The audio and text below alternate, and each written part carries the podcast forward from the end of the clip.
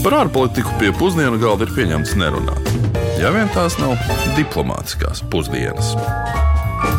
Labdien, un esiet sveicināti diplomātsko pusdienu raidījumā. Uzreiz ķeroties vērsim pie ragiem, tā drīkst teikt, vēlamies sākt mūsu šodienas raidījumu ar došanos tālajā Austrumāfrikā. Mūsu raidījuma valsts eh, ir ne tikai jaunākā valsts pasaulē, bet arī atrodas Āfrikas pašā sirdī, un dosimies šodien mēs uz Dienvidsudānas republiku. Šī aptuveni 12 miljonu cilvēku lielā valsts ir zināma ar to, ka tā ir viens no zemākajiem uh, dzīves ilgumiem pasaulē. Nu, tikai nedaudz vairāk kā 59 gadi. Vienlaikus šajā valstī ir arī viens no jaunākajiem sabiedrības vecuma rādītājiem. Proti, vidējais Dienvidzudānas iedzīvotāju vecums ir tikai 19 gadi. Salīdzinājumam, piemēram, Monako ir pasaulē vecākā valsts, ja tā varētu teikt, un tur vidējais uh, iedzīvotāju vecums ir 55 gadi. Dienvidzudānā vairāk nekā 62% iedzīvotāji ir jaunāki par 25 gadiem. Tas ir divas trešdaļas valsts iedzīvotāji ir zem 25 gadiem. Jā, nu. Visnotaļ jauna valsts, bet um, gribētu apgalvot, ka Dienvidzudāna ir uh, diezgan mazpazīstama valsts. Uh, taču tas nenozīmē, ka viņi ir mazāk aizraujoši dēļ tā. Galā valstī dzīvo vairāk nekā 200 dažādu etnisko grupu ar ļoti bagātīgu kultūras mantojumu. Šeit gan jāsaka, ka nevienas UNESCO pasaules mantojuma vietas Dienvidzudānā gan atrodamas nebūs. Nu, vismaz pagaidām, bet nu, droši vien tas ir arī tāpēc, ka valsts vēl ir diezgan jauna. Un, kā jau var noprast no iepriekš teiktā, tad daudz etnisko grupu nozīmē arī lielu skaitu valodu, kuru valstī arī esot vairāk nekā 200. Patiesībā Dienvidzudāna ir viena no valodas ziņā daudzveidīgākajām Āfrikas valstīm. Pirms neatkarības iegūšanas no Sudānas valsts oficiālās valodas bija angļu un arābu. Savukārt pēc neatkarības atgūšanas par oficiālo valodu tika atzīta tikai angļu valoda. Nu, vēl gan par atzītām ir uzskatāmas dinku, noēra, murlē, loa un aptuveni vēl kādas 67 citas valodas. Ja, man ir liels aizdoms, ka ne jau runa ir par dabas skaistumu un kultūras bagātību, ar ko Dienvidzudāna varētu būt pazīstama. Visticamākais tas tomēr ir vētrenās vēstures, ilgošā pilsoņu kara, skaitāms ilgākais pilsoņu karš Āfrikā dēļ, vai arī tā paša Darfūras konflikta dēļ. Domāju, šie ir tie iemesli, kuru dēļ Dienvidzudāna ir pazīstama arī un dzirdēta citur pasaulē. Bet, nu, ko tad par Dienvidzudānu zina mūsu iedzīvotāji? Nu, to kolēģi jautāja ielu intervijās. Ar ko jums asociējas Dienvidu-Sudānas republika?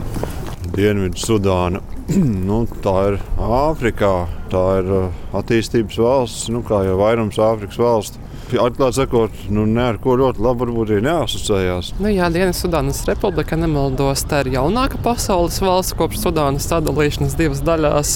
Un tā arī nesen tika atzīta. Tagad tur laikam notiek arī karš, bagāta ar naftas resursiem. Nu, jā, tur laikam ir ūdens trūkums, pārtikas trūkums. Mhm. Es daudz nezinu, tikai atceros kaut kas par karu, bet uh, man liekas, ka tas ir viss. Tas ir kaut kur blakus Afrikā, varbūt. bet tas ir viss. par Dienvidu Sudānu tā bija tā valsts, kur ir saistīta, manuprāt, ar Sudānu, kurā notika karš. Un viņi ir kā, faktiski pati atsevišķa valsts, bet uh, neviens viņu juridiski nav atzinis es pareizi atceros. Vietēji kari visādi bijuši. Daudz cilvēku cietuši un baigi nabadzīgā valsts. Pēc iespējas arī dzīvoju Vācijā. Mēs arī tur eh, metam naudu. Mums ir tādas kraikasītes. Es redzēju, ka pie mums arī tur met naudu bērniem visādiem palīdzēt. Jo, cik es labi zinu, tur ir problēmas ar uh, produktiem, ar visu atzīvi. Kā jau minējām raidījuma pašā ievadā, tad Dienvidzudāna ir jaunākā starptautiski atzītā valsts pasaulē, jo tā atdalījās no Sudānas 2011. gadā. Un Kopš neatkarības iegūšanas Dienvidzudāna ir saskārusies ar daudzām un dažādām problēmām, tostarp politisko nestabilitāti, ekonomiskajām grūtībām un arī dažādiem konfliktiem. Dienvidsudā noteikti ir pazīstama ar saviem pilsoņu kariem un pilsoņu karu vēsturi. Notikuši ir veseli trīs pilsoņu kari, un ilgākais pilsoņu karš ilga 17 gadus. Nu, pēdējais notika 2013. līdz 2020. gadam. Bet, eh, kas noteikti ir eh, varbūt biežāk dzirdēts, ir asiņainais Darfūras konflikts, ko mēs jau minējām. Eh, konflikts pazīstams ar citu arī kā Landcruiser karš, jo nemienīgi pārvietojās un ļoti aktīvi izmantoja šos Toyota bezceļu braucamrīkus, nu, pielāgojot kara apstākļiem un vajadzībām. Un šis karš konkrēti ilga no 2003. gada un beidzās tikai 2020. gadā, nu, arī 17 gadu senāk. Tajā gāja bojā simtiem tūkstošu cilvēku un vairāk miljonu cilvēku kļuva par bēgļiem. Runājot par šo konfliktu iemesliem, tad nu, viens no galvenajiem konflikta cēloņiem, protams, bija konkurence par dažādiem resursiem, tostarp zemi un arī ūdeni. Un, nu, Āfrikas kontinentā šis faktors ir pat ļoti nozīmīgs. Jā, jāsaka, savu lomu konfliktā ir bijusi arī etniskie spriedzē, jo Sudānas valdība, kurā pārsvarā ir arābi, tika apsūdzēta Āfrikas iedzīvotāju diskriminēšanā un arābu kaujinieku atbalstīšanā to uzbrukumos Āfrikas kopienām. Nu, izvēršot jau tālāk to, ko tu arī minēji, tad jāpiebilst, ka papildus konfliktu veicināja politiskā mm, spriedze, jo Sudānas valdība ir apsūdzēta arī politiskās opozīcijas apspiešanā un cilvēktiesību pārkāpšanā, kas arī izraisīja plašu iedzīvotāju neapmierinātību. Un daudz cilvēku Darfūrā jutās un joprojām jūtas atstumti, diskriminēti un arī paši ir ķērušies pieročiem, lai cīnītos par savām tiesībām. Vēl vairāk arī pastiprinot šādu konfliktu un izraisot um, vēl vairāk ciešanu iedzīvotājiem. Nē, nu, respektīvi, galvenās konfliktās iesaistītās puses bija Sudānas valdība un dažādi nevienīgi grupējumi. Valdības, starp citu, tika apsūdzēta par savu militāro un sabiedroto kaujinieku grupu, kas pazīstama ar nosaukumu Džanģevīd uh, izmantošanu, lai veiktu plašu cilvēktiesību pārkāpumus un uzbrukumus civiliedzīvotājiem. Nu, faktiski. Gan jāsaka, arī nemiernieki, kas cīnījās pret valdību, ir apsūdzēti faktiski par to pašu. Nu jā, šis konflikts ir būtiski ietekmējis reģionu, izraisot plašas ciešanas, postījumus. Daudz cilvēki ir pametuši savas mājas, lai izvairītos no vardarbības, un ir bijuši spiest dzīvot arī bēgļu nometnēs, kas brīžiem arī jau ir sasnieguši savus ietilpības kapacitāti. Un 2019. gadā sākās sarunas par iespējamo mieru līgumu, un konflikts galu galā beidzās tikai 2020. gadā, kad arī tika parakstīts šis visaptvarošais mierlīgums gan starp Sudānas valdību un vairākiem nemiernieku grupējumiem. Jā, tas tā saucamais Darfūras karš pasaules mediju telpā pirms dažiem gadiem dominēja visnotaļ būtiski un sistēmiski cilvēktiesību pārkāpumu, veiktais genocīds, kā arī humanā krīze, par ko šis konflikts nesa līdzi, bija satraucoši. Par to runāja arī tādi pazīstami aktieri un no labas gribas sūtņi, kā Angelina Jolie un Džordžs Klūnijs, vai nu vismaz veicināja savus atpazīstamību un karjeru.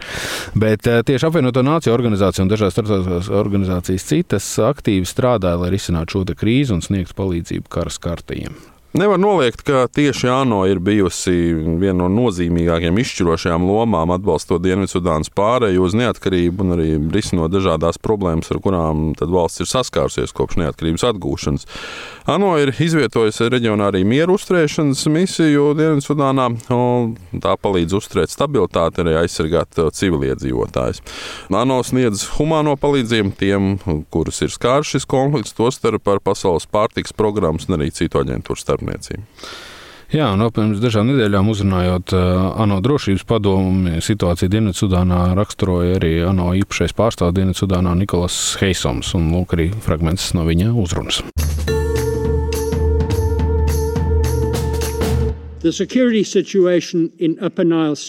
Drošības situācija Augstnīlas štatā rada īpašas bažas, un situācijā ir tendence pasliktināties. Tas saistīts ar gadu ilgo Sudānas tautas atbrīvošanas kustības iet pret valdību noskaņoto spēku šķelšanos. Tas ir novedis pie sadarbspēju aktivizēšanas Nīlas upes koridorā.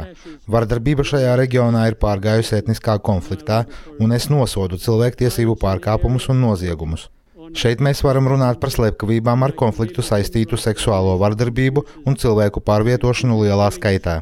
Tūkstošiem cilvēku ir bēguši uz ANO misijas izveidoto nometni, kas jau darbojas pārsniedzot savu kapacitāti. ANO misija cieši koordinē savu darbu ar dažādiem partneriem, lai uzņemtu ar vienu jaunus bēgļus. Mēs arī politiskajā un nacionālajā līmenī strādājam pie tā, lai pēc iespējas drīzāk atrisinātu konfliktu un veicinātu samierināšanos. Decembra sākumā mēs rīkojām tikšanos ar saviem startautiskajiem partneriem un aicinājām valdību iejaukties, lai pārtrauktu sadusmes. Savukārt dažādos grupējumus mudinājām atteikties no turpmākiem cilvēktiesību pārkāpumiem. Mēs esam brīdinājuši, ka ticamas vēlēšanas valstī šajā situācijā nebūs iespējamas, bet tiem, kuri veicina šo konfliktu, jārēķinās ar sekām. Mūsu prognozes nākamajam gadam liecina, ka 9,4 miljoniem cilvēku būs nepieciešama humānā palīdzība un aizsardzība. Valstī, kurā dzīvo tikai aptuveni 12 miljoni cilvēku, šis ir satraucošs rādītājs. Situāciju vēl vairāk pastiprina gan plūdi, gan sausums atsevišķos reģionos. Lai arī humanitārie darbinieki nenogurdināmi strādā, lai nodrošinātu patvērumu, veselības aprūpi, pārtiku un ūdeni un cita veida atbalstu, vajadzības joprojām pārsniedz tos resursus, kuri ir pieejami. 2022. gadā dzīvību ir zaudējuši deviņi palīdzības darbinieki.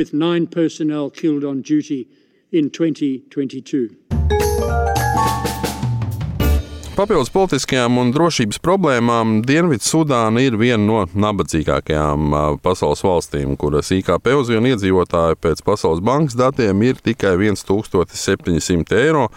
Tas ir nu, 19 reizes mazāks nekā Latvijā. Dienvidzudānas ekonomika, nu, kas droši vien nevienam no pārsteigums, ir mazatīstīta un atkarīga no naturālās lauksaimniecības. Lauksaimniecības nozare ir ietekmējusi ilgstošais pilsoņu karš un Darfūras konflikts, un tas ir izraisījis pārtiks trūkumu daudz daudzās valsts daļās, un šobrīd tieši nafta faktiski ir kļuvusi par galveno ieņēmumu avotu Dienvidzudānā, un valstī ir ievērojams naftas rezerves. Taču šobrīd trūks ne tikai iegūst spēju, nu, naftas iegūst spēju un infrastruktūras, bet arī pat faktiski kapitālu, ko investēt ieguvē. Nu, par potenciālu valsts ieņēmumu avotu varētu kļūt arī koku rūpniecība, taču nelegālā meža strāde un normatīvā regulējuma trūkums ir faktiski kavējuši šīs nozares attīstību. Ar zvejniecību ir gandrīz tas pats scenārijs. Turklāt vēl trūkst valstī gan saldētavu, gan arī piekļuves citiem tirgiem. Visāk sakot, Dienvidzudāna kā jauna valsts vēl saskars ar ļoti daudziem dažādiem izaicinājumiem, nu, daudzus no kuriem ietekmē gan kara sekas, gan arī jārēķinās ar to, ka to pārvarēšanai būs nepieciešams ļoti, ļoti ilgs laiks. Lai cik būtu paēdis, vienmēr ir vieta arī desertam. Bet tagad pienācis laiks arī desertām, un šodien mēs parunāsim par modi, un konkrētāk par pirmo Dienvidzudānas prezidentu Saulu Kīru Majarditu un viņa desmit galonu Stetsona cepuri. Nu jā, desmit galoni tiek rēķināti, kad es apmēram iedomājos cepuri, kurā it kā varot ieliet iekšā gandrīz 40 litrus šķidrumu, nu, ūdens visticamākais. Un šis pirmais Dienvidzudānas prezidents ir ļoti pazīstams ar šo modes izvēli un šīs cepures valkāšanu. Šī ikoniskā cepura ir kļuvusi par viņa preču, zīme, preču zīmu un bieži redzama Kīra publisku uzstāšanos laikā. Taču Stetsona cepura ir vairāk nekā modes lieta. Tā ir arī milzīga nozīme Dienvidzudānai kā valstī. Nu jā, un stāsts par Kīra mīlestību pret Stetsona cepurēm sākās 2006. gadā, kad viņš viesojās Baltijā namā kā Dienvidzudānas valdības pārstāvis. Šīs vizītes laikā bijušais ASV prezidents Džordžs Bušs Kīram uzdāvināja Stetsona cepuri, kauboja cepuri, kura viņam ļoti patika. Kā rezultātā Kīrs iegādājās sev vēl vairākas šādas cepures un padarīja to par savu nu, drēbes kapa neatņemamu elementu. Tam ar valsts nozīmes Stetsona cepurē parādījās uh, citu iemeslu dēļ. 2005. gadā tika noslēgts miera līgums starp uh, Sudānu un Dienvidsudānu, kas pazīstams arī kā visaptvarošais miera līgums. Un šis līgums iezīmēja otrā Sudānas pilsoņu kara beigas un lika pamatu Dienvidsudānas neatkarībai, kā arī sekojošiem referendumam par neatkarību, kas tika iegūta pēc tam 2011. gadā. Uz līguma parakstīšanas brīdī Kīrs valkāja to pašu melno Stetsona cepuri, ko Džordžs Bušs viņam bija bija uzdāvinājis, kad viņš tika inaugurēts par pirmo Dienvidzudānas prezidentu. Tādējādi izrādot cieņu bijušajam ASV prezidentam un viņa lomai miera procesā.